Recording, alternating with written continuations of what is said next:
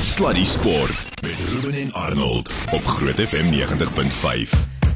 Okay, dis seker tyd tyd vir Sluddy Sport met my vyster plaas. Aan, gaan dit goed? Wonderlik, jy Ruben? Nee, wat is maak as jy moeilikheid hier. Kom ons kyk gou vinnig na die krieket toe voor ons wegtrek. Ek moet sê dit lyk regtig goed vir Suid-Afrika. Onthou ons het vroeër vanmiddag uh, intendeel vanoggend hulle tyd die bleekbene vir 165 almal uitgehaal en uh, dit was werklik goed om te sien. En op hierdie stadium is ons 181 vir 3. Dis uh, hier halfpad deur die 53ste beurt en ons loop reeds voor met 16 lopies. Uh, Rassie van der Dusen is daar op 11 en die jongheer RW op 71. Hy lyk werklik waar goed. Uh, ongelukkig uh, Dean Algar wat so bietjie rondgekrap het voor net kort van sy 50-tal toe sy uit, maar werklik waar 'n baie goeie begin vir Suid-Afrika op Lords. Dis goed om te sien. Nou ja, ons gaan uh, so die loop van die aand gaan as jy hoogte hou van wat daar aan die gang is. Maar hier is vroue maand en ons het selfs 'n merkwaardige vrou die loop van die maand. Ja, en dis wonderlik om uh, om soveel wonderlike vroue te hê. Ek moet jou sê daarby saam, ek gaan nou nooit die einde hiervan hoor nie want my my beter helfte is môre saam met julle. Ek kan nie wag. Ja, ja, ja. Ek kan nie die einde daarvan hoor nie. Ek kan jou nou sê. In da, in elk geval, professor Christa Jansen van Rensburg is by ons hier in die ateljee en uh, ek weet nie Christa, ek weet nie eers waar om met jou te begin nie want Ja, nee. jy jou jy die jou MSc in, in sportmedisyne gedoen. Dis die goed wat jy op jou CV het is skrikwekkend. Hoe dink jy aan jouself? Wat hoe beskryf jy jouself as mense vir jou sê, Christa, wat doen jy? Ek dink die beste manier um, om myself te beskryf um, as 'n as 'n klinikus, met ander woorde as 'n mediese dokter, sou ek dink ek is 'n spesialis in fisiese geneeskunde en reumatologie. Ja. En dan my akademiese rol sou wees professor in sport en oefeningsgeneeskunde. Sjoe. Oefeningsgeneeskunde. Mm. Ek dink dis wat ek en jy Ruben Ah, heeltyd. nodig het. Ons, ons het dit nodig. Heeltyd. Eh, Geef vir ons 'n idee vinnig vir die mense wat nie werklik waar weet nie. Ehm um, dit wat jy eh, sportgeneeskunde noem, wat wat behels dit? So sportgeneeskunde is 'n tipe van 'n dissipline wat deur mediese dokters beoefen word en wat vir my lekker is om te sê dat ons in November verlede jaar 'n spesialis status gekry het. So dit word nou as 'n spesialiteit erken. Uh mens moet eers jou medies klaar doen en dan gaan jy na een van die universiteite wat die kursus aanbied en leer om 'n sportdokter te wees en lekker goed te doen, saam met spanne te toer mm. of om na die mense te kyk wat wil komrades hardloop mm. of fietsry. Eh, Ek moet jou sê Ruben, ja, dit was vir my toe ek 20, 21 was toe ek regtig hard begin hardloop het. On, ons het 160, 170 km se week gehardloop. Dit was bykans onmoontlik om 'n dokter te kry met wie jy kon praat wat jy voor kon sê, luister ek is 'n hardloper, hardloop jy, verstaan jy dit? Die enigste ou was omtrent Dr Clive Noble. En dit was omtrent dit. As mens deesdae kyk na hoeveel daarvan julle is en hoe hierdie wetenskap ontwikkel, het, dis 'n fantastiese ontwikkeling, nie waar nie? Ja, dit is 'n baie nuwe bedryf en uh, in medisyne sal hulle ons nog babas noem. uh, so ons sukkel partykeer om ek dink die respek te kry wat ons Erkenning. verdien. Ja, yes, en die ja. erkenning. Ehm en dit is so, jy sal onthou Clive Noble was die ortopeed wat saam met die Olimpiese span gegaan Absoluut, het, nê? Nee, ja, en nou ja, het ons ja. daarom dokters wat ook ehm um, siektes kan behandel, nie net uh ja. muskuloskeletale stelsel Ja. nie. Dit het baie gegroei. Ja. Prof, ek wil wegtrek. Ek weet nie, ek en Anie sit nou nou in gesels. Ons weet nie eers waar om te vat en Nee. waar om te los nie, want daar's so baie wat ons oor met prof oor kan gesels. Maar kom ons begin byvoorbeeld by uh van die navorsing wat gedoen is op die voordele uh van oefening wat met pasiënte wat dalk sukkel met artritis. Dis baie interessant. Wat is die bevindinge daar? Ja, so ek dink baie dikwels is die verkeerde persepsie dat as 'n mens artritis het, moet mens ophou beweeg. En inteendeel Sjoe. is dit baie mooi bewys dat as jy oefen en beweeg, gaan jou artritis ook beter beheer. Uh die woord sitokine verwys na jou immunologie, die stelsel wat te doen het met om inflammasie te veroorsaak of om dit te verbeter. En as jy oefen, dan stel jy sitokine vry wat anti-inflammatories is. Goed. So dit kan definitief help om jou beweeglik te maak, maar ook sterker, dat jy weer kan trappe klim, uit 'n stoel uit opstaan. Kan ek nou byvoorbeeld vra wat 'n mens het nou byvoorbeeld jy het 'n uh ehm um, anaer- anaerobies en dan anaerobies, nê? Daai spesifieke oefening sal meer dan sit dan meer aan die aerobiese kant wees? 'n Mengsel. Mengsel, So 'n mens wil steeds ehm um, kardiovaskulêre fiksheid of aerobiese mm. oefening bedryf want ja. die mense moet kan oor tyd 'n 'n sekere posisie handhaaf en kan stap in 'n winkelsentrum byvoorbeeld, maar jy wil ook krag hê want die mense moet kan trappe klim en hulle Hmm. moet uit stoele kan opstaan. Ehm um, en ek dink die belangrike ding hier is as as 'n as 'n artritis leier besluit maar ek wil belê en oefen, is om by die regte mense aan te klop. Want as jy verkeerd oefen, gaan jy skade doen. Ja, ja, ja. D dit laat my net altyd dink aan ek het al 'n paar vyande in my lewe gemaak want ek sê aanhoudend begin net oefen. Begin net oefen. Gaan na die dokter toe, gaan laat 'n 'n 'n fisiese oorsig doen van waar jou lyf is en hoe gesond jou hart is en al die ander dinge. In begin stap. Dis tog een van die eenvoudigste, O, ja. goedkoopste dinge wat jy moontlik kan doen. Eh, Twee weke terug het Ruben nie vir my gesê ek ek haat jou aan hier op die lug want jy het my laat begin hardloop. maar ek en as jy nou mooi daaroor dink, hoe het dit jou lewe verander? Radikaal. En eh, d- ek ek sê dit nie omdat dat ek die sterretjie wil hê nie. Ek dink meeste mense behoort te oefen. Timniks tog bewys dat ons die die spesiale dier in die wêreld is wat veronderstel is om te sweet. Ons is veronderstel om te oefen nie waar nie, Christa. Absoluut. En as mens gaan kyk, uh jy weet na alle mediese siektes, hoë bloeddruk, ehm uh, suikersiekte, kanker. Hmm. Al daardie siektes baat as 'n mens oefen. Oefening behoort definitief deel van die mediese dokter se voorskrif te wees. Hmm. So jy praat van inflammasie wat beheer word, maar ek, ek is absoluut seker Ruben ehm um, en aan baie Bloubil ondersteuners het inflammasie van die van die kop. Is is dit help dit daarvoor of nie? Uh, ek wil net weer herinner daai groot kas. Jy daai groot kas met al daai trofees en ek los dit vir nou net daar. Kom ons gesels 'n bietjie van die effek want ek dink hierdie is ook bitter interessant. Die effek van reis op um, atlete. Ek dink daai is baie interessant. en Ek wil graag prof se bevindinge daaroor ook hoor. Ek weet julle het op 'n stadium met julle is dit tans besig met na, navorsing oor dit. Ons is ehm um, en dit is eintlik ongelooflik as mens na die literatuur gaan kyk hoe min daar beskikbaar is om vir mense advies te gee. Ja. En onthou, dit gaan nie net oor die atleet nie, dit gaan oor enige iemand wat reis, besigheidsmense wat dalk net vir 'n naweek Londen toe moet vlieg en terug. Ehm um, en die die belangrike onderskeid wat mens behoort te tref is moegheid wat ons dan in Engels sou travel fatigue noem teenoor uh vlugfoosheid of dan jet lag. Mm. Ja. En die vlugfoosheid kan mens net kry as jy oos-wes of wes-oos vlieg, nooit as jy noord-suid vlieg nie. En dikwels maak mense nie daardie onderskeid nie. Mm. Maar die twee toestande gaan 'n mens 'n bietjie anders behandel. Dit gaan byvoorbeeld nie help om vir uh, moegheid melatonien te neem nie, maar vir vlugfoosheid kan jy probeer om jou stelsel aan te pas dat jy vinniger aanpas by die slaappatroon van die plek waarheen ehm um, jy jy dan gaan. Ja.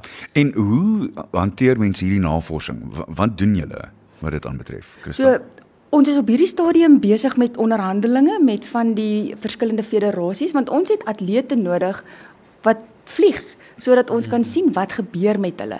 Ehm um, en 'n belangrike deel wat ons agtergekom het is die slaap wat deurmekaar gekrap word deur reis. En slaap is so 'n belangrike deel van ons herstel sodat dit die een ding is wat ons in stand moet probeer hou. Maar die ander ding wat mense vergeet is as jy reis dan raak jou biologiese klok de mekaar. Ja. En dit is nie net slaap nie, dit is jou darm, dit is al jou gewoontes wat daardeur geraak word en wat dan mense laat sleg voel. Baie mense sal gastro-intestinale klagtes hê as hulle byvoorbeeld reis. En al daai klokkies moet weer in beleining gebring word mm. met die plek waar jy dan nou vir vir daardie oomblik is. So kom ons vat nou 'n rugby span. Kom ons vat nou die Springbokke en hulle moet nou gaan speel in Nieu-Seeland. of Hulle hulle het net hulle het nou net vertrek. Het jy nou net- Australië toe. Ja. Dis 'n Nou, goeie voorbeeld nou. So kom ons vat nou byvoorbeeld dit. Wat wat moet hulle reg doen voordat hulle nou byvoorbeeld so oor die tydsones vlieg om in Australië te gaan speel? Wat moet hulle doen? Wat, hoe beplan hulle dit? So die belangrike ding is wat wat mens moet onderskei is of jy oos of wes vlieg.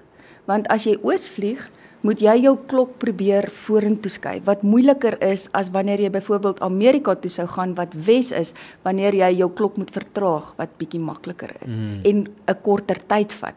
En wat ons partykeer vir die mense voorstel, mens kan 'n paar dae voor die tyd begin om jou slaap en jou eet patroon 'n bietjie of vroeër of later te skuif afhangend van of jy nou oos of uh, wes gaan. Maar mens moet ook nou prakties daaraan dink. Dit help nou nie jy stuur die ou 1 uur in die middag bed toe nie. Ja. So dit is hoekom ons gewoonlik voorstel so 4 dae voor die tyd sodat jy 60 minute per dag probeer koop. Dan het jy darm al 4 ure gewen. Uh, want as jy nou dink aan ons tydverskil met Perth, is dit omtrent 4, 5 ure. Hmm. Dan kom jy daaraan en jou klok is reg. Ons hoor so gereeld van atlete wat sê dit het hulle regtig sleg geaffekteer. Gelukkig het die bokke darm nou wat het hulle 13, 14 dae. Nee, nie heeltemal nie, 10 dae. Ja om om gewoond te raak aan aan die tydsverskil. Wat is daardie periode wat sportmense aanbetref? Hmm. En en voel sportmense en vroue dit meer akut as gewone mense? Kom ek vra dit so. Ja, so die tydperiode as jy oos gaan, is dit gewoonlik 'n dag per tydsone wat jy ah. gekruis het en wes kan jy dit halveer. So so 'n halwe dag per ehm um, tydsone. En daar's min ehm um, navorsing oor of mans of vrouens of atlete, maar wat ons wel weet is eintlik hoe ouer jy word, hoe moeiliker reis jy. Ah. So natuurlijk. die atlete moet maar partykeer ehm uh, jy weet die die die koel cool byt en en, en deurdruk. Ja, dis nie altyd maklik nie. Ek, ja. ek ek ek weet ek het ek het dit alself ondervind. Mense sukkel daarmee. Interessant ook en ek moet sê Prof het ook natuurlik 'n nasionale span netbal gespeel as ek my feite reg het hierso vir Suid-Afrika. En dan natuurlik ook uh, is dit hoeveel kom dit se gehardloop? Ek het net nou vir Arnold gesê net ja. een om te wys ek kan. Nee, net een. dis, net dis een. Gedoen, nee, net een is wonderlik. Ek het probeer, ek sal volgende keer. Net een, dis wonderlik om te sê. Maar jy het jy het so 'n paar fietstoere agter die blad, nie waar nie? Vertel ja. ons daarvan. Ek het 10 uh op daardie stadium nog die August ja. uh, cycle tour gedoen. Ehm um, dit verskriklik geniet en eintlik bloot opgehou met hierdie lang goed as gevolg van die werkslading. Ek het nie hmm. tyd nie. Ek is ongelukkige persoon wat voorbereid wil wees. Ek ja. kan nie net die naweek opdaag vir 21 km en dan swaar kry nie. Ja. Ek wil gaan voorbereid wees en toe ek opgehou, maar die die Cape Town eh, cycle tour nou, maar die August van daai dit is sekerlik een van die wonderlikste sportgebeurtenisse. As jy op jou ja. fiets is en al die mense staan langs die pad en moedig aan ongelooflik. Nou, ek gaan nou 'n baie moeilike vraag vra. Gaan prof net 'n bietjie op die spot sit hierso. Fietsry teenoor 'n hardloop. Wat is prof se opinie daaroor? Is nou kom jy beserings en hoe goed dit is en wat een is beter en wat een is slegter en so. Kom ons gesels daaroor. So dit hang af van 'n paar goed. Ehm okay. um, definitief is fietsry se lading laer op jou gewrigte. Ja. Maar aan die ander kant wil 'n ou bietjie lading hê want anders gaan jou beendigtheid afneem. En die een ding van fietsry wat sleg is, is die houding waarin ons sit, baie vooroorgebou, so mens kan nie net fietsry nie. Mm. Mens moet ook ekstensie oefeninge mm. doen, bietjie rugregheid maak. Ehm um, jou hampese rek, anders kry jy 'n uh, verkorte uh spiere en beserings. Maar op die lang termyn kan 'n mens definitief eerder elke dag fietsry as wat jy elke dag hardloop. O, oh, okay, dis interessant. Ja. Hardloop is definitief harder op die lyf en ek ja. sal ook byvoorbeeld vir die artritis pasiënte sê, jy moet oefen, maar as jy wil hardloop, moet jy jouself 2 tot 3 dae hersteltyd gee. Mm. Terwyl as 'n ou fietsry kan 'n mens eintlik elke dag Ja. Want dit is net die harde ou wat hardloop. en dan natuurlik, hierdie is baie interessant. En ek dink ons moet hieroor gesels. En ek weet prof het 'n bietjie navorsing gedoen oor die effek van COVID-19 maskers uh, met atlete en daai tipe van goed. Kom ons uh, delf 'n bietjie daarin. Dit was by my 'n groot vraag toe COVID ons getref het en ja. eintlik emosioneel so, veral daardie ruk wat ons nie uit ons huise uit mag gegaan het nie. Hmm. So op daai stadium het ons 'n studie gedoen om te kyk na die impak op atlete wat nou nie kan oefen nie. En dit was ongelooflik om te sien weer eens hoe hulle geestesgesondheid geraak was ja, deur die feit dat hulle ingeperk was en dan ook die verskillende sporte byvoorbeeld jou kragsporte kon by die huis aangaan. Jy het 'n gewig in jou sitkamer en jy doen wat nodig is. Maar die mense wat aerobies jou hardlopers en so hulle het gesukkel mm -hmm. want mens kan so lank op 'n tredmil hardloop. Ja. En ja. ehm ja. um, ek bedoel julle het seker gesien daai ou wat op sy stoep 'n maraton gehardloop ja. het. Dit ja, ja. dis die gek goed wat die mense gedoen het. So dit was die een deel wat baie interessante inligting gebring het. En toe die volgende vraag is maar nou dra ons almal maskers en ons moes dit op 'n stadium ons nou maar buite ook dra. Toe wil ons weet wat doen hierdie masker mm. as jy oefen. Mm. En ons het daardie artikel nou net ingestuur en ons ja. hoop dit word goedgekeur. Maar die kort en die lank is dit lyk of 'n mens matig kan oefen met die blou die die die chirurgiese maskers. Yes, ja ja. Ja, ek ja. bedoel ons moenie met die N95s en goed probeer nie. Dit is verkeerd. En wat ons ook interessant gesien het, die sogenaamde buffs, daai wat die mense nou so so serp amper. Ja ja. Dit word baie nat en die mense dit ingesuig. Ons het hulle op 'n fiets laat oefen vir 30 minute en die die chirurgiese maskers was die maklikste en het eintlik 'n baie min invloed gehad op hulle suurstof en hulle uh koolsuurgas. Ek moet sê Wow. as dit koud is, as dit regtig regtig koud is, Baf, ja. dan dra ek 'n buff oor my Ja. mond as Ja. dit werklik waar koud is, sodat die die, die lug wat ingaan nie heeltemal so koud is as dit in jou longe ingaan nie. So ek dink dis 'n ding wat mense maar gedoen het oor die algemeen. Uh, was daar 'n daadwerklike verskil vir mense ehm um, wat dit aanbetref het as as jy oefen met die masker en dan sonder hom? Wat, wat was die gevoel geweest vir atlete? So die die die grootste verskil wat ons gesien het was die temperatuur, die wat ons gemeet het binne in die masker. Die mense word regtig warm, Warm, mm. ja. maar dit het nie hulle metabooliese merkers baie beïnvloed nie. Fascinerend. Ja, Is dis absoluut-. Ja. So ek en Arnold het ook al 'n paar keer baie gesels van die laaste ruk. Dis 'n groot besprekingspunt tans is die voor die hartsenskudde wat ons by rugby spelers sien en seker tipe goed. Ek weet daar's baie sake aan nie. Jy het mos nou nou Ja, daarna ja ja, ons het um, ons het so die die afgelope 3 of 4 maande en ek sien daar's nou daar's as dit ware net omtrent 50 of 60 voormalige spelers, beroepspelers wat nou hulle unies en en hulle lande aanneem vir die skade wat hulle het. En dit lyk erg, dit lyk regtig erg. Wat is ek weet dis iets wat jy ook aan werk. Ja, so konkussie of dan hersenskudding is 'n groot probleem en ek dink as ons een sport moet uitsonder wat regtig hard daaraan werk, is dit rugby. Ja. Hulle verander gedurig deur uh reëls. Ongelukkig um, in die vroeë jare het hulle nie mooi gekyk nie. Ek bedoel 'n ou het van die veld afgestrompel met hersenskudding en 10 minute later teruggestrompel en en verder gespeel. Of die volgende week weer gespeel, ja. Korrek. Ja. Ehm um, en daardie aanhoudende stampe op die kop op iemand wat reeds hersenskudding het, kan dan later groot probleme vir die mense veroorsaak. En wat vir my eintlik ontstellend is, is dat selfs kollegas dikwels hersenskudding onderspeel. Ah, hulle maak dit af. Ja, hmm. en ek het nou die dag 'n pasiënt gehad wat sy het 'n faceplant gedoen op haar mountain bike en tande uitgestamp. Gelukkig het Oh. hulle gedink niks Oh. gebreek nie, maar sy het hersenskudding en is aanbeveel uh, rus 'n week en gaan terug. Sy's 'n Oh. statistikus. Ek toe toe probeer ek verduidelik, as jy vir 'n spier 6 weke moet rus, hoe Ja, Wat van jou wat brein? van jou brein, ja. So die die en veral op skool, die jong kinders wat nog ontwikkel. Dis so belangrik as hulle hersenskudding het dat hulle vir 'n ruk nie moet wiskunde doen en mm. TV kyk en op hulle fone wees nie. Mm. Kan ek net gevra just uh, die Engels sê so mooi so to dumb it down. Hoekom nie?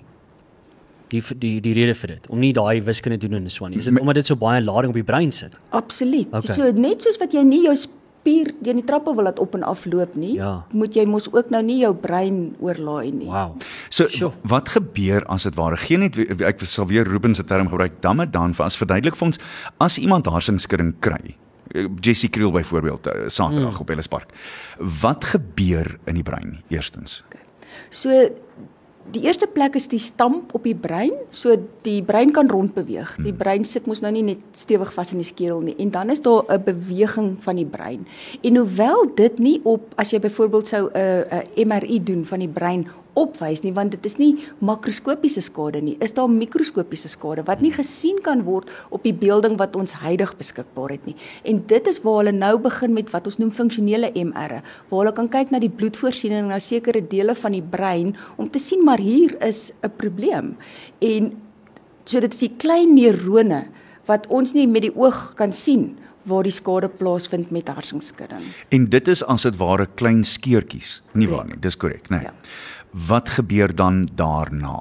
So onthou, dit 'n neuron is is so spierweefsel. Dit herstel nie met neurone nie, dit se herstel met littekenweefsel. So dat daardie weefsel is dan nou nie weer heeltemal Nooit weer dieselfde nie. Voorheen was nie. En ek dink 'n maklike manier om dit te verduidelik is byvoorbeeld as mens 'n spierskeer in gedagte hou wat ek altyd vir die pasiënte sê, nou het jy jou hampees geskeur. Nou doen jy jou rehabilitasie en die spier voel vir jou reg, maar daar waar hy geskeur was, sit littekenweefsel en as 'n mens dink aan hoe dit lyk, dis 'n rekkie met 'n stukkie garingdraad. So daai garingdraad is nou jou littekenweefsel. En as jy volgende keer 'n besering kry, is dit net die garingdraadjie is sterk, so dan breek die rekkie net waar hy heg aan die garingdraad, dan word die stukkie garingdraad langer. En die pasiënte verstaan dit mooi mm. om te besef daai weefsel is nou anders. Ken daai pyn al te goed. O oh, nee, en Ken dit is pyn al te goed. Jene en dis frustrerend. Ja. O, jene. Ja. Christa, hier's my interessante ding en ek ek weet nie of jy jouself eers hieroor kan uitspreek nie, maar ek wil die volgende vir jou vra. Inteendeel, ek gaan eers 'n stelling maak. Die die spelers van 'n 'n Frik de Pre se era uh, byvoorbeeld Sure, ja. is nie met groot respek is nie naasten by fisies so hard. Hulle oefen nie so hard. Ek onthou my voorbeeld een keer ne- net na 95 toe ons ek vra ons vir Henny Leroux by ons te kom kuier by die televisie ateljee. En toe neem ons 'n foto en toe ek my hand om hom sit, toe is sy skouers in sy arms, sy boarms, soos klip. Die oefening wat hulle deesdae doen vir spelers, hulle is soveel sterker. Hulle is soveel meer vaardig, maar daarbey saam as jou as jou spierweefsel soveel sterker is, is dit soveel digter. Is dit deel van hierdie harsingsskuddingsprobleem wat ons sien op die oomblik? Ek glo nie. Nie as ek net uit my agtergrond uitpraat, dink ek nie so nie. Ek stem saam met jou dat die mense is groter, oefen harder, mm. uh, maar ek dink nie dit is deel van die harsingskudding probleem nie. Mm. Ek dink wat eerder bydra is net die feit dat rugby het harder geword. Die mense is groter, die momentum is Ja. ja. groter as jy aan iemand vashardloop. Ehm um, en dan dikwels Hulle is vinniger ook Hulle natuurlik. is vinniger en dan die ergste harsingskudding soos wat ons met Faf gesien het, Mm. is hy teen die ou se knie vasgedryf. Ja, presies. So dit is 'n harde kontak wat jy maak. En hulle doen nou interessante navorsing waar hulle momentum meet deur te kyk na die ehm um, ag die goed wat die ouens in hulle mond dra. Die, die mondstuk, die Ja. gum, die gum guard. Ja ja, die game guard. Hulle sit dan meet hulle die die die gyros wat daai ouens kry as hulle die ou tref en dis Wow. ongelooflik die die kragte. En dis hoekom die voorspelers deesdae ook al hoe meer nekoefeninge doen mm. om te probeer om dit te stabiliseer. Ek het wat wat ja. Formule 1 natuurlik doen. Ja ja. D- Dis presies dieselfde tipe van ding wat Korrek. jy werk as dit ware teen die die G-forces, nie waar nie. Ja. Dis vir my regtig fascinerend as mens oor hierdie ding praat want ek dink dis 'n deel van sport wat ons nog nie heeltemal mooi verstaan nie, maar dit bring my nou by 'n volgende punt en ek weet jy werk aan die fisiese deel. Maar wat is jou gevoel oor want ek glo die volgende groot stap in sport, die groot ontwikkelings wat volgende kom, is hoe ons geestelik voorberei vir sport. Wat is jou gevoel daaroor? Absoluut Arnold, weet jy, um, as mens met die Olimpiese atlete werk, dan kom 'n ou agter. Sê nou maar ons kyk na die 100 meter finaal. Daai mense is waarskynlik almal omtrent ewe vinnig. Maar dit is daai wat in die kop aangaan baie dikwels wat die wen vir 'n persoon gee. Hmm. Want hulle gaan deur soveel fases wat hulle moet voorberei en dink van die wegspring tot wat doen ek op 30 meter, wat doen ek op 40 meter. So baie baie belangrik en wat wat ook deesdae gebeur met die professionele sport wat ons wel sien in die praktyk is die ouetjies is so teleurgestel in hulle self. Want onthou nou kom die borge ehm um, afrigters al al die is nou deel van hierdie opset. So as jy as jy misluk, is dit 'n groot teleurstelling en het hulle regtig probleme. En ek dink die effek van beserings op 'n uh, oefening nie. Ek meen daar het ek ek is deur daai hele ding met die met die kommerus oefening daai Ja. tyd. Ek was so teleurgesteld in myself. Alles het so goed gegaan en toe eendag by 'n uh, ek het nog ook aan die uh, monster aangaan. Mm. En daar skeer ek 'n kyk. Ons het nou nog gepraat daaroor en ek het deur 'n hele ding gegaan wat ek voel vir myself, ag Jesus, weet jy, daar's soveel mense wat ek nou gaan teleurstel hier, maar ek kan nou net nie meer ek het gesukkel om verder te oefen. Ek net daai ding het 'n geestelike groot effek gehad. Absoluut. En wat ons sien is vir die ouetjies om terug te kom. En ek praat nie net Ja. van elite atlete nie. Ek praat van enige iemand wat hou van oefen. As jy 'n besering gehad het, het jy 'n blok Wow. daarteen om weer terug te kom en op dieselfde vorm want jy's so bang jy gaan weer seer kry as jy net lekker begin hardloop of fietsry of mm. of wat ook al. Ja. So baie belangrik. fascinerende dinge wat mense oor praat wat ek ek ons het net nou Christaan ek het gepraat oor 'n 'n prof in Potch Ben Kutse wat besig is om oor die trauma navorsing te doen van beserings. En Ja. waar dit gebeur het, want dit het 'n uitwerking daarop. En dit hmm. kan as dit ware weer daar gebeur waar dit van tevore gebeur het. Nie nie in jou fisiese lyf nie, in die fisiese plek waar dit gebeur het. By die 200 meter merk van 'n 400 meter baan byvoorbeeld. Wow. Ja, de, de Ruben dis fascinerend. Ons ons sal hom probeer kry. Inteendeel, ek sal die twee van julle graag in een kamer wil toesluit vir 'n rukkie want dit kan fascinerend wees. Ek was 'n Lekker bietjie ek was 'n bietjie oorgaan na die huidige navorsing toe. Ek weet julle is besig tans om te fokus veral op netbal en dan trail running. Ek hou van die woord trail running. Almal weet dat trail running is ons gebruik die Engelse term daarvoor. Vertel ons 'n bietjie van dit. Ja, ek's baie trots daarop. Hm. 'n um, 'n jong student het my genader en gevra, "Kan ons nie bietjie kyk na trail nie, want almal kyk na padhardloop." Ja. En ons moes toe 'n navorsingsprogram begin en ons het reg gekry om met Vrye Universiteit in Amsterdam 'n uh, gedeelde graad op te sit en Wow. begin kyk na beserings en siektes in pasiënte wat trailrunning doen. En dis as mens mooi dink oor hoe trail verskil van padwedloper, dan kan 'n mens verstaan hoekom daar verskille is. En ook interessant, dit lyk of die trailrunners bietjie groter en sterker is, Ja. want hulle moet so 'n bietjie meer bulte Mm. op en af en Ja. en snaakse terreine hardloop. Ja. Maar ons is baie opgewonde uh oor hierdie navorsing waar waar ons besig is. So as 'n mens begin met 'n navorsingsprogram, moet mens altyd eers die die die omvang van die probleem gaan bepaal. En ek dink ons is nou op 'n plek waar ons dalk gaan begin aanstap om te begin intervensies doen om te sê, maar okay Ruben, as jy dit en dit doen, kan ons dalk voorkom dat jy 'n enkel beseer of 'n knie beseer of Jesus, interessant. En skoene? Is dit iets wat julle ook aan gaan gaan gaan, gaan na kyk en werk? Absoluut en wat ons reeds weet, as jy kan nie met 'n padwedloopskoen Nee. gaan probeer 'n trailhardloop nie, Ja. uh, net as gevolg van die feit dat die sool te sag is en ook dat dit te glibberig is. 'n Hmm. Ou soek 'n skoen met traksie. Um, en dan is dit interessant as mens met die met die uh, hardlopers begin praat. Party wil 'n waterdigte skoen hê, 'n ander een wil hê die water moet maar deurspoel laat die kouse nie nat word nie. So interessante uh, stories van hulle kant af ook. Um, maar soos met baie van die ander sporte, ongelukkig nog min oor die vrouens. Uh jy weet meeste ja. van die van die wedlope wat ons na kyk Hmm. is dit hoofsaaklik die mans Hmm. uh waaroor daar navorsing beskikbaar is. Sure. En ons wil ook graag dit 'n bietjie verander. Ja. Om te kyk na vrouens en na korter afstande Mm. uh wat die mense doen. En dan in die netbalkant? Ja. So ehm um, ek was 'n netbalspeler. Netbal Hmm. is in my bloed. Ek is net lief vir netbal en ek so opgewonde oor die feit dat dit volgende jaar by Ja. ons is. Ja, is dit nie fantasties nie? Wêreldbeker, maar ons het met die 2019 Wêreldbeker het World Netball ons toegelaat om navorsing op die spanne te doen om te kyk na weer eens die omvang van die beserings en siektes by hulle vir dieselfde rede as wat ek nou met die trail gesê het, laat ons dan vir die spanne kan voorkom en sê maar luister, voor jy na 'n wêreldkampioenskap toe gaan, moet jy hierdie en hierdie en dit in ag neem. Ehm um, en ons het ook al bietjie navorsing gedoen by van die hoërskole in Pretoria wat hierdie feeste het. Ehm um, en dis interessant om te sien hoe dit 'n bietjie verskil die beserings van ons elite spelers. En ons wonder bietjie is dit oor dat die kinders op skool dalk nog nie dieselfde beheer oor hulle liggaam kan toepas as wat 'n elite speler kan nie. So ons sien bietjie verskillende beserings Gee ons 'n bietjie insig daar, wat is die verskille? So albei groepe, enkelbeserings is algemeen in netbal vir wat ons verstaan, hulle moet spring en jy land op iemand se voet, maar die die jonger groep se kniebeserings is so bietjie meer algemeen en onthou met die die stop wegtrek hmm. met netbal het jy baie impak op jou knie.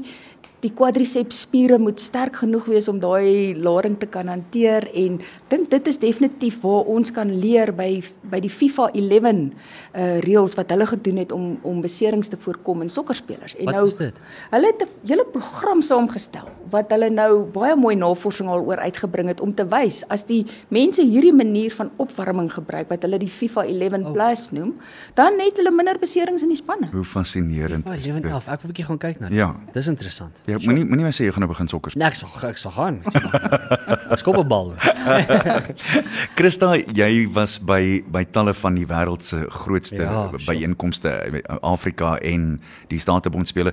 Maar ek neem aan vir jou ook natuurlik die die Olimpiese spele is die die cherry op die hele ou koek nie waar nie. Ja, dit dit was 'n hoogtepunt. Ehm um, en 96. dit was ja, Ja. dit was dit was 'n hoogtepunt 2004. Ekskuus, Ah, ehm okay. um, Arnold, jy was in Athene gewees. En Sjoe. jy weet net die samesyn en die eintlik mens kan nie dit beskryf as jy in die athletes village bly dat daar soveel mooi mense rondloop. En sulke mooi lywe nie. Wat ek eintlik ja, bedoel. ja, ja, ja. Ek bedoel daar is nie ja. baie mense wat sleg lyk Nee, in nee. so in so 'n village nie. Wat vir my interessant was is daar's 'n 24 uur eetplek waar ou kan gaan wat McDonald's het. So van die atlete het Ah. uit hulle klere gegroei Ja. in die tyd wat ons daar was want almal eet McDonald's roomys. Uh interessant.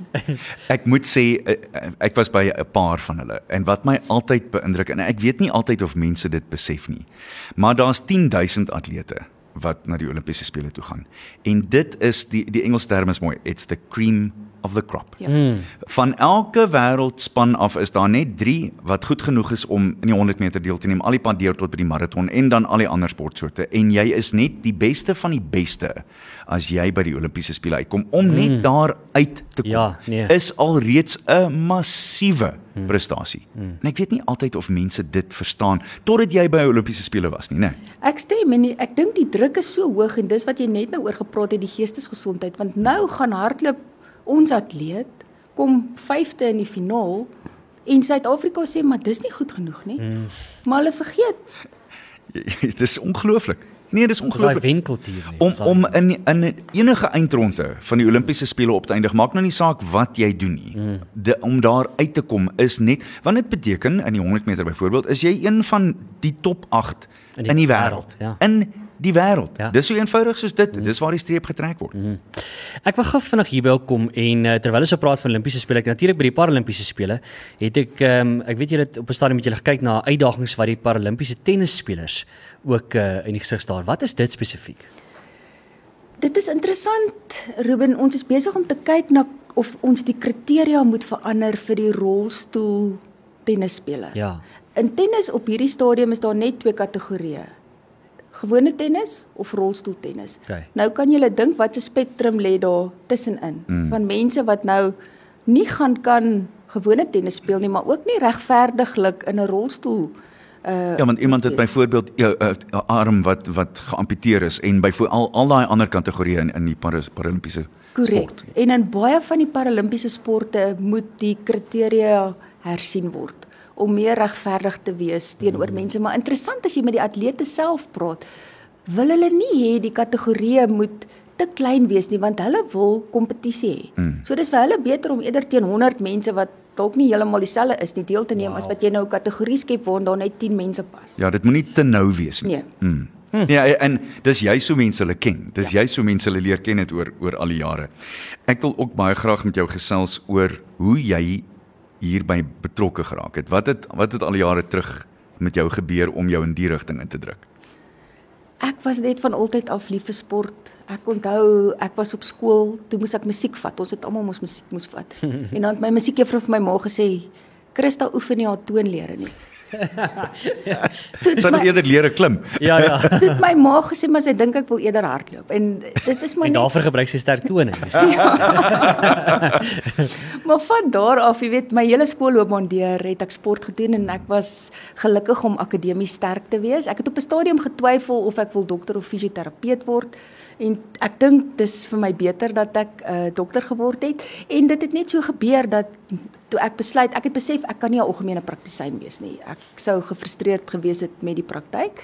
En toe op 'n dag het ek gedink dalk ortopedie dalk kardiologie en ek het hmm. by die interne geneeskunde departement gekom en professor Braaiten het vir my gevra wil jy 'n pos by my hê en dit was fisiese geneeskunde en reumatologie. Toe sê ek ja en op daai stadium toe begin hulle met sportgeneeskunde by Tuks. Toe sê hy doen dit ook sommer.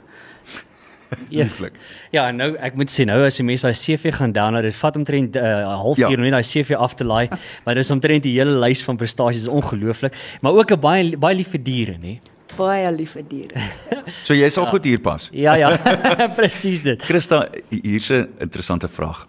Wat dink jy beteken sport vir die land en vir mense oor die algemeen?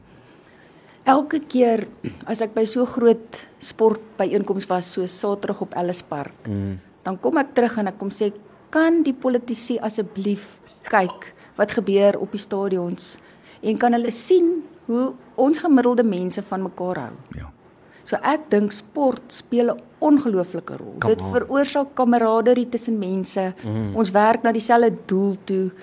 Ek dink dit moet meer gebruik word. Jy's so reg. Mm, Jy's so dis reg. wonderlik. Ek het vir my familie gesê ons sit Saterdag in op Ellis Park. Toe sê ek, voel net die houding hier. Mm. Daar's nie daar's nie ag aggro nie, daar's nie aggressiwiteit nie.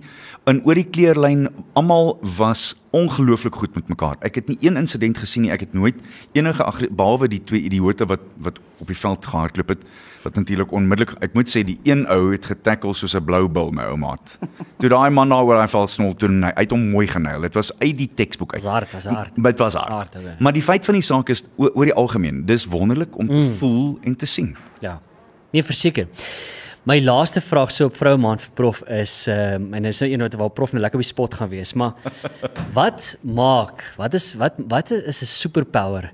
Uh, wat maak 'n super wat wil ek nou sê? Hoe hoe hoe wil ek dit nou sê? Uh wat 'n superpower moet 'n vrou oor beskik vandag? As ek dit so kan stel, ja. Ek dink 'n mens moet wil en 'n mens moet passie hê vir dit wat jy doen want dit sê ek ook baie ek is ek dink ek is een van min gelukkige mense wat regtig baie hou van my werk hmm. en ek dink dit maak dit dan makliker dat 'n ou kan werk toe gaan en eintlik te veel aanvat want alles is so interessant en 'n uh, mens wil so baie doen maar ek dink ook vir 'n vrou is dit nog steeds moeiliker as vir 'n man ehm um, vir baie redes dit is nou maar so die kinders is meer jou verantwoordelikheid, die diere is meer jou verantwoordelikheid ja. en so aan. Ja. Maar ek dink as 'n mens regtig wil en net jou fokus hou, dan kan 'n vrou doen wat wat sy moet doen. Absoluut. Laastens van my kant af in in jou jou vak, dit wat jy gekies het. Wat is dit moeiliker as 'n vrou? Ek dink dit het dit het moeilik begin. Ek kan julle 'n staaltjie vertel die eerste keer toe ek ingestap het uh by die sportkampus en ons het 'n sogenaamde stakeholders meeting gehad en die hmm. ander is almal mans, het hulle die skinkbord na my kant toe gestoot om die tee te skink. En ah. Toe het ek teruggestoot en gaan sit. en dit het toe vir my van daar af die dinge makliker gemaak, maar dit is 'n dit is 'n groter uitdaging mm. uh vir vir vir vrouens in in ons omgewing. Daar's gelukkig baie sterk jong dokters wat nou deurkom, vroue dokters. Mm. Um om saam met die manne, eh, jy weet, langs die veld te sit en die regte besluite te neem. Absoluut. Nou ja. Dit was wonderlik om met jou te gesels, eh, Christa. Inteendeel, ek dink ek en Ruben kon nog kon jou vir nog 'n uur hier gehou het want ja, ons is albei gefassineerd deur dit wat jy doen en ek dink jy's jy's geseënd en jy was vir ons vandag geseëning. Professor Christa Jansen van Rensburg, lieflik om jou in die ateljee saam met ons te gehad het. Baie dankie en baie dankie vir die uitnodiging. Lekker. Ons is net hier na terug, bly net waar jy is. Mm. Sluddy Sport met trots geborg deur webycars.co.za. En ek ek moet sê, Annie, ek dink vandat ek begin so ernstig oefen soos wat ek het. Mm. Uh ons het nou daaroor gepraat. Jy het nou nog gepraat, jy het nou net gesê oor die die sielkundige uitwerking van visualization byvoorbeeld. Mm. Vat ons dit gevra hier? So ek het ek doen byvoorbeeld 'n comrades praatjie waar ek mense laat na 8 of 9 punte. Uh, nee, net interessantheidshalwe een van hulle is Madiba het in sy boek geskryf I am by nature a very positive person. I don't know whether it is by nature or by nurture, but I've always been very confident. Oh, wow. Therefore, in prison, throughout my 27 years, I decided to keep my feet moving forward and my head pointed towards the sun. Daai punt vir Comrades Marathon is ongelooflik belangrik. As jy net jou voete aanhou vorentoe laat beweeg en jou kop ophou na die son toe. Maar die visualiserings uh, idee is ek doen so 19 minute se klanke van die Comrades Marathon. Ek laat laat mense opstaan, 2, 3 keer diep asemhaal, sit met jou palms op op jou skoot of op jou tafel want jy gaan iets ontvang en dan praat ek mense deur die 10 minute van 'n Comrades Marathon en mense kom na die tyd nou uit en sê hulle, "Ag nee, ek voel of ek nou net die ding gehardloop het." Want jy moet dit probeer visualiseer. As jy dit nie visualiseer nie, kan jy dit nie doen nie. Ek wens die dag toe ek die marathon gaan hardloop het, ek het so iets gedoen voor die ja. tyd. Want die ding is net, byvoorbeeld, I mean my aanloop tot my marathon toe het ek I mean jy weet nou hoe dit werk, mm. maar vir die wat nou nie verstaan nie, jy doen lang runs op jou naweke. Daar het ek tipies gegaan na 30, 32 toe op 'n naweek, maar toe kom op die marathon en ek myself, ja, gaan fyn wees en letterlik hier na 30, toe besef ek, okay, nou is ons hele na 'n ander sone in wat ek nie ken nie, ek ken nie hierdie nie. sien, dis waar die muur vir jou wag. Ja.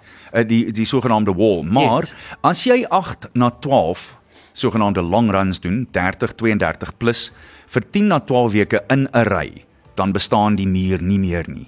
En dis wat mm. mense nie altyd besef nie. Dit is 'n 3 maande projek waar jy elke Saterdag of elke Sondag ten minste 30 na 32 na 34 hardloop. Dan hardloop jy jouself deur die fisiologiese effek van die mm. muur. Mm. Maar dis wat dit vat. Ja. Baie interessant. Ek dink maar ek dink ook die visualisering daar Oh, speel 'n belangrike rol. Baie belangrik. Aan oh, net te loop terwyl ons nou so lekker gesels het met die prof want ek meen ons het lekker langer gesels as beplan nie maar dit is so interessant geweest.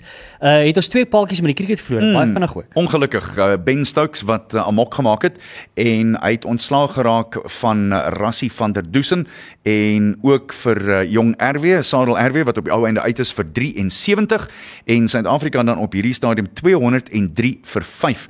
En net om vinnig te gaan deur die telkaart is interessant om te sien dat Dean Algar 47 dan RW wat uh, die uh, ander man was wat die beurt oopgemaak het saam met Algar op sy 73 dan Keegan Petersen 24 Aiden Makram 16 ongelukkig net nie heeltemal deurgekom vir Makram vandag nie. Van der Dusen redelik vroeg uit vir 19 en op hierdie stadium Marco Jansen is daar op 3 en Karl Verreine op 7 Suid-Afrika 203 vir 5 en op hierdie stadium is hulle voor met 38 lopies op die Engelse se eerste beurt. Mm. En dan natuurlik moet ons gesels oor die rugby van die afgelope naweek. Ja, wel, moet moet ons iets sê. Wel jy was daar gewees. Ja, e, ek moet jou sê, ons kan nou kla oor allerlei dinge. Ja. Daar is een of twee oomblikke gewees waar die skeieregter miskien uh, roepe gemaak het wat mense uh, in twyfel kan trek, maar Suid-Afrika moes daardie toets gewen het. En as jy dink in die eerste 10, 15 minute ons het op hulle doellyn geboer en ons kon nie afrond nie. En ongelukkig was dit vir my een van die dinge verlede jaar teen die Britse leeu's, uh, vroeër hierdie jaar teen Wallis en nou weer teen die All Blacks. Ons sukkel om af te rond. En as ek sê afrond, ons sukkel om op die ou ende die die ovaal ding oor die witstreep te kry gereeld. En ek weet nie hoekom dit so is nie. Ek weet nie of dit 'n bekommernis is vir die bokke of al dan nie of ek die enigste een is wat daaroor bekommer nie. Maar weer eens, soos wat ek gesê het in die All Blacks en teen Wallis, daar was 2 of 3 drewe daar rondgeloop het wat ons moes gedruk het. Daai eerste 10-15 minute was ons hulle was nooit in ons in, in ons 22 meter vir meer as 32 minute na eerste helfte nie. Ja. Ons moes hulle weggesit het daar en dan. Hmm. Ek moet ook betwyfel dat die die spankeuse nie korrek was nie, want ek dink ons het die druk van hulle afgehaal met wie ons mee begin het. Hmm. En ek dink op die einde as jy kyk na hierdie hierdie is so interessant. Luister wat sê Kieran Reid oor dit wat gebeur het. Hy sê uh hy glo dat die bomb squad wat nie gebruik is nie, het beteken dat die Blacks makliker kon begin en met meer kon wegkom. Hy sê ook daarbey saam, hy het hoog hy's baie trots op hulle en hy het hoë agting vir uh, sy spanmaats en die feit dat hulle die Suid-Afrika behoorlik kon slaat uh, slaag kry, maar dat ons kon terugkom van 15-0 af het hy ook voorhoed afgehaal. Hy sê hier ek haal hom aan. The way the Springboks selected their team, I think the fact that we made them go to their bench early really helped us down that back end. Mm -hmm. Ongelukkig het dit ook beteken dit het gebeur as gevolg van die feit dat uh ja, die besering met Jessie Kriel weer eens harsingskudding. Ja. Ek moet sê uh Foster het na die wedstryd het was daar pers paar paar perskonferensies. Wat sê hulle met my woorde so vanaand? Paar pers pers wat op die pers konferensie. Ja, ek kan nou Oranje konferensie ook gewees het. het hulle gesels en baie van die goed wat daar uitgekom het kon jy agterkom dat Nieu-Seeland se rugby en selfs die media en die ondersteuners in Nieu-Seeland. Ons praat altyd van die bok ondersteuners baie hard is op die bok. maar Annie, ek het besef in Nieu-Seeland is dit moontlik dalk erger as wat ons ervaar. En ek dink Foster het regtig wel hy hy's nou hy't nou gelukkig gehoor hy's nog daar tot met die einde van die Wêreldbeker volgende jaar toe as hy aangestel, maar dit het regtig gelyk asof hy nie geweet het wat sy toekoms is by die rugby span daar nie. Ruben, as hy as hulle Saterdag verloor het, sou hom gepos het. Ja. Ek het geen twyfel omtrent nie en uh, die baas van New Zealand rugby Mark Robinson het hom glad nie in die publiek ondersteun in die afgelope paar weke nie. Glad Ja. nie op Ja. enige manier nie. En ek dink dit het seer gemaak. Mm. Iemand moes daar iewers uit New Zealand rugby gesê het, luister, my maat, ons staan by jou. Want laat mens eerlik wees, jy word nie net sommer oornag 'n slegte afrigter nie. Net soos ons nou ewe skielik weer die bokke wil aanvat, uh, jy word nie sommer net oornag 'n slegte span nie. Ja. Dit was nie 'n goeie keuse nie, 'n goeie uh, span poging nie. Hmm. En keuses het 'n verskil gemaak, maar op die ou einde jy word nie net sommer sleg oornag nie. En laat mens eerlik wees, iemand moet wen, iemand, iemand moet verloor. Feit. Ongelukkig. Voor ons tyd hardloop vinnig uit aan nie. Wat vat die bokke Australië toe? Ja, ek dink daar's een of twee baie interessante dinge en as jy kyk na jong Conan Moody, ek hoop hy kry speelkans uh, van die bank af. Ek dink dit sal goed wees vir hom om daar gebloed te word. Terselfdertyd sien ek ook dat uh, Australië se kaptein Michael Hooper gaan die volgende twee toetse ook mis. Onthou, Ja. hy het uh, hy het nie teen Argentinië gespeel nie want hy sê ek haal hom hier aan, I wasn't in the right mindset Yes, wat ja, ja. baie interessant is. Mm -hmm. en dan het hulle ook vir Bernard Foley in Japan gaan haal. Hy het 3 jaar laas toetsrugby gespeel. So dit gaan baie interessant wees om te sien presies wat gaan gebeur. Onthou Foley het 121 toetse agter hom en uh, afrigter Dave Rennie sê we're not in a position to discuss in detail what we've got with him, but we've got a firm timeline as to when he will return and dit is uh, hy besig om te praat hier oor Michael Hooper. Ek weet nie so mooi nie, dinge is nie lekker nie. En weer eens jy moet jouself afvra, hoekom is dit so? Is daar probleme? Is daar krake in die Australiese span of al dan nie want hulle het so goed gespeel in die eerste toets teen Argentinië 41-26 en toe die tweede toets Argentinië het hulle bloot net oor aangesit 48-17 hulle grootste verloor ooit teen Argentinië Ek wil net vir sê soms gee Dave Rennie vir my soeibrand. Maar in 'n geval uh Annie jy moet dis jy net va- vat 'n ander pilletjie Okay, alright, nee, ek van Anyway, uh cricket so voor ons gaan. Ja, ons is nou op 207 vir 5. Karl Verreine is daar op 8 en uh, Marco Jansen is daar op 6 en op hierdie stadium is dit draaibal balwerk 207 vir 5. Ons is voor met 42 lopies op die eerste beurt, maar ou hou nou ook in gedagte dat die Engelse moet weer kom kof in die tweede beurt en ons gaan kof op hierdie oppervlak wat miskien lyk asof hy so bietjie gaan opbreek spesiaal na die reën gister. Kom ons kyk wat gebeur, maar dit gaan nie maklik wees om in die die vierde en laaste beurt te gaan kof nie. So elke liewe lopie tel. Dis dit vir Sluddy Sport voor ons gaan. Ek is besig om Usain Bolt se boek te lees. Um op die oomblik net so vir interessant en dis waar hoor net so te loop. Maar jy weet wat gebeur as Usain Bolt sy bus mis? Hy vang hom by die volgende stop. Sluddy Sport met Ruben en Arnold op Groot FM 90.5.